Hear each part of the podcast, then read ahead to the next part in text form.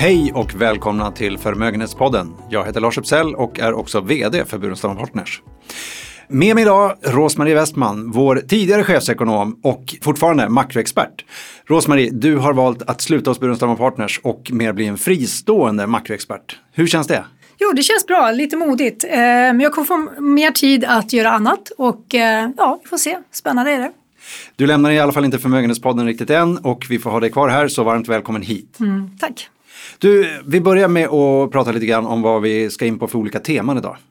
Eh, vi ska prata om de här flaskhalsarna som ni flesta har hört talas om. Då. Vad innebär de egentligen, de här som har uppstått under återhämtningen? Och vi ska prata om Kina. Eh, de har ju valt att kyla ner sin ekonomi och varför och vad innebär det? Och sen har vi bristen på arbetskraft som blir ganska tydlig nu. Det är ett globalt fenomen och eh, hur kan man lösa det? Vi börjar på överhettningsfrågan. Allt det här summerar väl lite grann i mm. överhettning. Eh, man hör lite signaler om överhettning, börserna är starka och så vidare. Men om vi tar den reala ekonomin, vad, är det en risk för överhettning nu? Mm. Man kan ju säga att de här alla paketen vi hade då eh, som startade förra våren eh, efter pandemin. De, du tänker räddningspaket? Och... Precis. De gjorde ju sin nytta men de hade framförallt gjort väldigt mycket nytta vid förra finanskrisen 2008 för den var ju mycket djupare och man vet ju inte hur allt utvecklar sig. Men den här gången så har vi självmant eh, switchat på av när det gäller ekonomin och vi hade inte behövt så mycket efterfrågestimulans. Så nu har vi ett läge där efterfrågan i ekonomin överstiger utbudet och därför uppkommer flaskhalsar. Eh, I USA kan det vara ganska medvetet att man gör den här, att man ser till att man får överhettning för man vill absolut inte bli nytt Japan. Men man är ju inte speciellt tydlig med det. Alltså det finns ju inte någon avsiktsförklaring och eh, eh, det är inte säkert att de problemen som uppstår nu är speciellt lätta att lösa. Vi kan ju mycket väl få en för hög inflation och då är det ett annat problem. Men eh, vi får se. Jag har, du vet, jag har varit väldigt tveksam till den ekonomiska politiken som man har i USA och jag blir än mer tveksam nu när jag ser effekten av den. Du, du säger man är rädd för eh, Japan, jag tänker på våra yngre lyssnare som mm. är, är, med oss och, och lär sig om ekonomi. Vad var det egentligen som hände i Japan? Ja, Japan fick ju efter sin storhetstid får man väl kalla det då på slutet på 80-talet så fick ju de kom, det, kom de in i en period med mycket, mycket lägre tillväxt och då eh, gradvis lägre och lägre inflation och det har de ju haft nu i årtionden. Mm. Så de har ju väldigt, väldigt svårt att få igång sin ekonomi och eh, det är lite också åldersrelaterat och så. Men, eh, man vill inte hamna där helt enkelt, där Japan är. Nej, och, och det kan man förstå. Men mm. om vi pratar om det, fel sorts finanspolitik har, mm. har du nämnt här. Mm. Vad, vad menar du med det? Ja, vi, som jag har sagt, den inriktade sig på efterfrågan när den egentligen kanske skulle då inrikta sig på utbudet istället och framförallt kanske då när det gäller investeringar och annat skulle man tagit tag i alla, alla tidigast.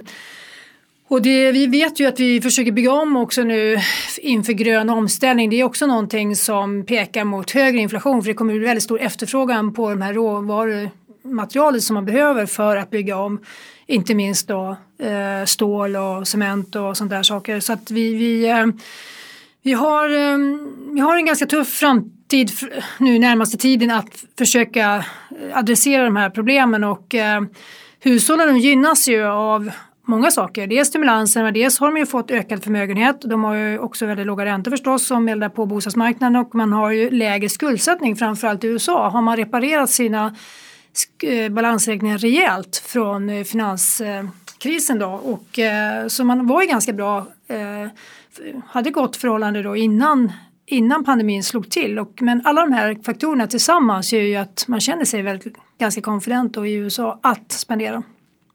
Om vi summerar det här så blir du in då på nästa tema, flaskhalsarna. Mm. Eh, och du kan väl nämna lite grann om vad, vilka flaskhalsar vi pratar om till att börja med. Vad är de stora flaskhalsarna som du ser just nu? Ja, vi har ju en del är kända. Eh, vi har pratat om det i halvledare och, och eh, vi behöver inte kanske belysa det mer än att det tar tid. Men vi har också mycket som hänger ihop med att eh, hamnarna inte fungerar då. Dels har de varit stängda och sen har det blivit köer helt enkelt då för att lossa last och så. Och det, vi har ju haft container på fel sida och, och att, ja, de har ju varit i USA och ska vara i Kina och det har funnits många problem. Men, men det där har inte löst sig utan vi har haft korta nedstängningar av kinesiska hamnar även nu under det här året och eh, det finns ingenting som tyder på att det här problemet löser sig på kort sikt. Och, eh, det är till och med så att eh, vissa företag som är ansvariga för de här hamnarna säger att det är minst två år och eh, en gick så långt som att eh, för, ja, föreslog att man måste ta ner efterfrågan för att få det här i balans. Eh, och det är ju då någonting som man har bort, eh, gjort borta i Kina då. Eh, vi kommer in på det senare men eh, vi eh, har inte heller den rätt utbildade arbetskraften för den här omställningen. Så det är också ett annat eh, lite längre perspektiv. Det tar ju lång tid att eh, utbilda människor till rätt yrken och sådär och den här digitaliseringen som går, nu går mycket snabbare den var ju på gång långt innan pandemin men den går oerhört mycket snabbare nu. Den gör ju att vi har en helt fel, alltså vi har en mismatch som är inte av denna värld. Där man kan se att eh, speciellt i USA kanske det är 7 miljoner fortfarande arbetslösa då. Eh, de har inte rätt kvalifikationer för att få de här jobben då och eh, samtidigt skriker man då i vissa servicebranscher efter personal så det funkar inte på den, på den enkla sidan heller. Man säger de enkla jobben har ju inte heller lätt att få arbetskraft så att det tyder ju på att vi får en ganska rejäl löneglidning här vad det lider och den, den ser man redan nu men den kan bli större. Och den kan komma både i tekniksektorn och egentligen i servicesektorn också då? Ja, den kan komma i alla yrken. Eh, men om vi tar det här med flaskhalsar, mm. vad, vad, är, liksom, är det en lösning eller är det flera lösningar som du ser som ska till eh, för att få ordning på det här? Ja, jag tror inte att det är så lätt att göra det här på någon global nivå och säga att nu, nu tar vi ett övergripande grepp om det här utan det kommer väl mer eller mindre få lösa sig i den takt det går. Eh, men det som händer initialt nu det är ju faktiskt att produktionen i, alltså industriproduktionen kommer falla som ett resultat, eh, eller i alla fall minska tillväxttakten där. Och eh, då får vi en lite lägre tillväxt av, av, bara, av bara den anledningen helt enkelt. Och det är kanske det som krävs, att vi får en inbromsning då i, i tillväxten för att det här ska kunna rätta sig till. Ska vi ta och gå över mot Kina? Mm. Eh, du nämnde kort här att eh, man delvis har dragit ner efterfrågan eh, där. Och eh, vad är det man har gjort? Tänker du? Mm.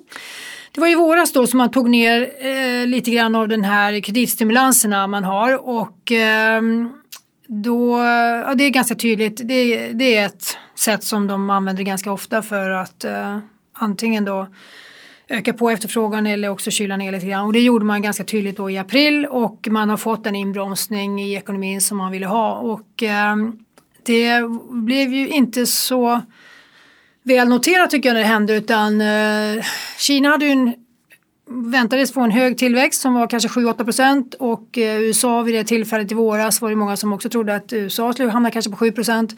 Nu är det väl något lägre då eh, i både Kina och USA när det gäller förväntningarna men, men eh, det, det, har ju något intressant över sig tycker jag när man medvetet ändå tar till det här greppet och man vill ju framförallt också hejda den här rusningen som var inom råvarupriserna och det lyckas man ju med.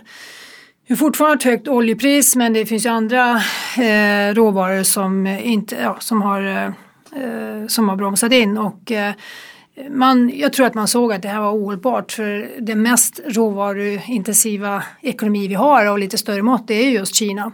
Så man hade flera anledningar tror jag att, eh, att göra detta och eh, man kanske också har en ekonomi som inte heller gör sig så bra för, för de här stora svängningarna. Du vet i Kina vill man ju ha samma tillväxtsiffra varje, varje kvartal och eh, man vill inte utsätta den för de här svängningarna tror jag utan man, man tog till det här greppet då. Och ehm, vi brukar inte ta efter Kina i så många avseenden, eh, inte minst nu när vi ser att det blir mer och mer kontroller och, och ganska svårt att förstå sig på Kina kanske från utsidan. Så, så det där har ju gått utan eh, att någon har funderat så mycket på det. Men jag tycker att det är ett eh, ganska ja, intressant drag helt enkelt som man kan se att de gör. Och, jag tror att eh, det finns ju mycket som de inte behöver oroa sig för. Inga, inga omval av president och annat. Så att de har ju inte de här cyklerna med valen och de, behöver, de, kan ju, de tänker väldigt långsiktigt. Val, valfläsk är ingenting som existerar. Exakt. Utan nu börjar de ju adressera andra saker och det kanske vi kommer tillbaka till. Men eh, det där är noterbart tycker jag och det finns de nu som tror att de kommer stimulera under hösten. Det finns bland annat ett utrymme för någonting man kallar för social financing. Eh, det är då lån som, som man tar upp ute i, eh, i kommuner och annat. Och, och de är inte utnyttjade alls i, under året utan det finns mycket utrymme kvar. Eh, och då skulle det vara en eh, källa till tillväxt eh, senare delen av året. Och eh, det ska bli intressant att se vad de gör. Jag, jag, skulle inte säga att det kommer bli så med automatik. De har ju sina kvoter, kvota och så vidare. Det är möjligt att de vill att det ska rulla på. De har möjlighet att låna upp de här pengarna, då kanske de gör det trots allt. Men det är inte säkert att de kommer in i, i ekonomin fullt ut så snabbt utan det kanske blir någonting som spiller över till nästa år istället. Men om man uppsummerar nu så har vi en världsekonomi som är ganska överhettad. Det är större efterfrågan än utbud. Det finns flaskhalsar i systemet. Eh, Kina ser det här och kanske bromsar in lite grann, eh, kyler av ekonomin så, efterfrågan. Men jag tänker på inflation och centralbankernas roll i det här. För att eh, inflation är någonting som vi har lärt oss att den, är, den, finns nästan inte. Men det här är ju någonting som låter som en cocktail som, som gör att inflationen borde spira. Mm. Eh, prata om löneglidningar och annat också. Vad blir centralbankernas roll i det här? Ja, det är en bra fråga. Ehm, de har ju lierat sig nu med det här budskapet då att eh, det här inte kommer orsaka någon inflation och ehm, det är klart, det håller ju marknaden lugna. Ehm, vill man ha en bra tillväxt så vill man ha en bra börs och man vill ha låga räntor. Så att det är lite så här sitt still i båten. Don't rock the boat och, eh, som gäller just nu och de lyckas väldigt väl med det. De långa räntorna stiger ju inte. Det beror ju delvis på att de köper väldigt mycket i den långa änden, de tioåriga obligationerna. Men det beror också på att man har övertalat, kan man väl säga, förmedlat det här budskapet. Det har landat väldigt väl hos alla investerare. Och eh, jag känner mig som en klar minoritet eh, för jag köper inte alls in i det här och eh, jag är inte bättre kul än någon annan men, men jag är i alla fall öppen för att jag tror att det är större sannolikhet för att vi får en inflation som kommer hänga kvar längre än att vi inte får det. Och eh, det gör, ja, det, det är, eh, jag ifrågasätter helt enkelt och jag tror att de kommer få ganska svårt det finns inga öppningar i det de säger eh, utan om det nu är som dessutom att USA kanske ganska medvetet har överhettat sin ekonomi, det, har, det är ju tydligast i USA. Och det är den efterfrågan i konsumtionen i USA som spiller över för alla andra länder. Så att ah, vi känner ju av det allihopa att eh, efterfrågan på till exempel eh, ja, kinesiska varor och sånt att den ökar eh, från USAs sida. Och eh, är, det en väldigt, är det en medveten strategi så blir det väldigt svårt att förklara vad de egentligen har gjort sen när, man, när centralbanken ska förklara att de inte såg det eller märkte eller, eller åtminstone kanske inte varit intellektuellt hederliga över vad de egentligen har skapat för en typ av ekonomi. Så det kommer ju bli en, eh, alltså jag tror inte att de eh, kommer klara sig undan kritik. Det tror jag inte. Eh, Givet tror, att inflationen kommer nej, då tänker du? Nej, ja. jag tror till och med ett läge eh, efter, efter nästa val att det kan bli så att eh, Paolo eh, inte sitter kvar längre. Men eh, då har han ju suttit ett tag eh, trots allt. Han eh, har suttit, vid nästa val har han suttit sex år. Men jag tror att det blir, beroende på vad vi får för typ av ekonomi, såklart att, det kommer, att man kommer ifrågasätta att man höll räntorna så låga i ett läge där man hade så hög tillväxt. Det har man aldrig gjort förut. Man har ju hållit låga räntor under lång tid tidigare efter IT-kraschen till exempel. Det fanns ju mycket kritik att man höll kvar dem för länge då. Och då fick vi en ganska abrupt eh, räntehöjningsfas som sen slutade då i 2008 års eh, rabalder. Så vi vet ju ungefär vad som händer att eh, när man håller räntorna för låga för länge, ja då får man en sån här catch-up effekt där man får höja desto snabbare senare och det brukar då eh, skapa det här efterfrågebortfallet då i nästa fas. Alltså det är inte riskfritt att göra det de gör nu och det, det är väl det jag tycker att marknaden missar lite grann. Det är som att det här är helt gratis. Alltså det finns ingen nedsida, det finns bara uppsida och så är det väldigt lite av händelser i världen som ser ut så utan det brukar finnas både nedsida och uppsida på det man gör och man får balansera i de flesta fall för att göra en bra avvägning. Man kan väl passa på att påminna här och vi ekonomer har pratat om det länge att räntor kan inte alltid bara gå ner men vi har ju faktiskt haft, vad är det, 30 år eller någonting sånt där med ner, nedåtgående räntor. Mm. Så att någonstans ska det väl vända men det kan bli en abrupt vändning då om jag förstår det rätt. Ja, det kan det bli när de vänder sen på kuttingen här. Så eh, vi har ju två stycken intressanta möten nu, både ECB eh, som redan den här veckan då och sen eh, USA senare i september och eh, båda två finns det nu förväntningar om att de ska annonsera, eh, de ska öppna dörren helt enkelt för nedtrappning av de här obligationsköpen. Och i Europas fall är det 80 miljarder eh, ungefär, per, eh, 80 miljarder euro per månad och eh, det höjdes så sent som under mars i år och det kan då trappas ner eh, något tidigare än vad marknaden innan hade tänkt sig då. Eh, men man kommer att göra det stegvis så det blir inte så abrupt. Va? Men det är ändå en ganska stark signal och den är, kommer mycket, mycket tidigare i Europa än vad många hade väntat sig tror jag. Och det beror ju på att även Europa har ju högre, högre inflation nu. Och eh, i USA har vi nästan 6 procent, i, i Europa har vi gått från 2 till 3 procent i, i, inflation. Och, och, det är klart att eh, i det läget, man är mer konservativa helt enkelt i Europa när man ser på inflationsutveckling. Och man har ju hela historiken med Bundesbank och så vidare som har hela tiden varit inriktade, inriktade på att bevara eh, ett värde i, i eh, ja, i, i både D-marken förstås och även i, i euron då. Så, så här, eh, här kommer det lite snabbare än vad man har tänkt tidigare. Men, eh, och i USA får vi också en, ja, vi har minoriteter kan man säga, både centralbankschefen i USA och i Europa. Det är ju Lagarde i Europa och det är ju Powell i USA. De kan man säga nu håller på att tappa sin ställning för det är de som är de största duvorna då och vill ha den mest stimulerande penningpolitiken och nu börjar de få lite opposition, falanger inom sina respektive centralbanker då som, som lobbar för en, en något snabbare då, eh, eh, nedväxling av de här köpen. Vi lämnar det mm. och får se längre fram vad som händer. Vi ska tillbaka till Kina tänkte jag som en sista liten fråga. Ehm, vi var ju inne där tidigare med att man har då sett någonting som kanske resten av världen inte sett och bromsa ekonomin. Men, men är det mer saker som, som händer i Kina? Det är många som diskuterar om, om det är ett skifte som sker där borta. Mm. Eh, vad är det man pratar om för skifte? Ja, skiftet är att man börjar prata om common prosperity och eh, det är alltså det viktigaste att eh, hela ekonomin mår bra och att det inte blir för stora skillnader då, eh, ojämlikhet i eh, i ekonomiska eh, termer. Och eh, det är ju ett, eh, ett modord även, eller modord, det är ju viktigt, en viktig eh, konstaterande även förstås i, i västvärlden här med stora skillnader i USA och även i Europa har väl också haft det nu när vi har haft två stora kriser som har skapat det här låga ränteläget som då främst har gynnat eh, de som redan, redan har eh, tillgångar och så vidare så, så blir, blir det ju den här eh, diskussionen. Men jag tror att eh, i Kina så är det ju sällan liksom läpparnas bekännelse utan att det händer någonting utan här har man nog bestämt sig för att man ska ta, ta itu med detta. Och eh, man vet ju också att man får en något sämre ekonomi så tillvida att efterfrågan finns ju bland låginkomsttagare om man då ökar bidrag och så, så blir det, går det rätt in i ekonomin medan det inte gör det om man får en större förmögenhet hos någon som är, redan är förmögen. Och, eh, och det kan man se, ganska tydligt se i USA att det har varit lite av en, av en problematik nu de sista decennierna.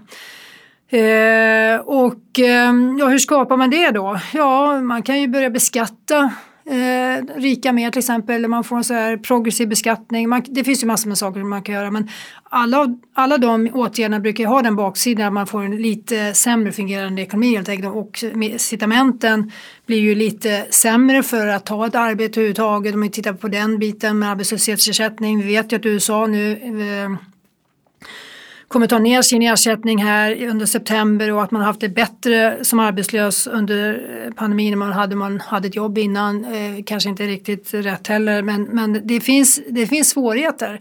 Men eh, om Kina nu har ett övergripande mål som inte är att hålla en så hög tillväxt som möjligt, kanske på kort sikt, utan nu ska ställa om ekonomin till någonting annat. Då kan ju det få en ganska stora effekter på hur man behandlar företagen. Det blir, vi har ju redan sett det att de, de klankar ner på olika branscher, det har vi, har vi ja, lärt oss att leva med lite grann. Sen är det ju också det här att de vill skydda big data som man säger då. Alltså, det finns inget land som har mer data än Kina naturligtvis på grund av att de har så stor befolkning och är avancerade teknologiskt och övervakning och allt det här. Och eh, nu blir man väldigt eh, mån om att detta inte ska komma utanför Kina om man säger. Så att man blockar västerländska bolag, det har man ju alltid gjort men eh, man hör ju stories till exempel om, om, Tesla som inte får komma in på känsliga områden och så vidare för att de då ska kunna ja, samla på sig data då genom de här Tesla-bilarna och så där. Så, så det, det, det, är, det är en paranoid, det är inte paranoid, det kanske inte är, det kanske, fin, det kanske är vi som är naiva fortfarande. Vi vet ju att vi har mycket övervakning när vi är på nätet men den kanske är ännu mer omfattande än vad vi egentligen inser. Och eh, nu börjar det här på riktigt kan man väl säga, det här ställningskriget mellan Kina och USA att eh, värna sina respektive då, techbolag och eh, den information som finns där. Och, eh, vi ser ju en annan aspekt av det här också när det gäller Kina, hur de agerar utanför sina gränser och det är ju att de nu blir kanske den mest, eh, ska man säga, den första partnern som, som talibanerna i Afghanistan får för att göra affärer med. Och eh, det är klart, det är ju inte utan att världen i övrigt tittar väldigt noga på hur det kommer utveckla sig också. Du, eh, vi ska börja runda av. Vi har hunnit med mycket. Vi har eh, varit inne mycket på överhettning, flaskhalsar, eh, Kinas agerande i det här och eh, inte minst vad, vad centralbankernas roll blir här nu framåt då om det blir ett inflationstryck. Men om vi, vi ska ge den där pekpinnen på att det är, eller pekpinnen, men, men eh, ska man komma ihåg en, eh, en sak från den här podden? Vad är det man ska komma ihåg och hålla koll på framåt?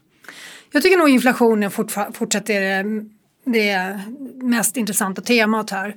Och, eh, och det är inte bara att läsa de här siffrorna som kommer då en gång i månaden. Det kan man ju också göra förstås, men man ska ju också se reaktionerna på siffrorna. Och vi vet att eh, reaktionerna på senaste siffrorna var lite av en oj då, hoppsan, både i Europa och i USA. Man hade inte tänkt sig att det skulle gå riktigt så snabbt på uppsidan som det har gjort. Det har man åtminstone erkänt. Tack Rosmarie, numera fristående makroexpert. Tack för att du är med i Förmögenhetspodden och tack till er lyssnare för att ni har lyssnat. Och eh, glöm inte, gå in på burenstam.se och gå in under insikt så hittar ni artiklar och även gamla poddar där också. Tack ska ni ha. Tack.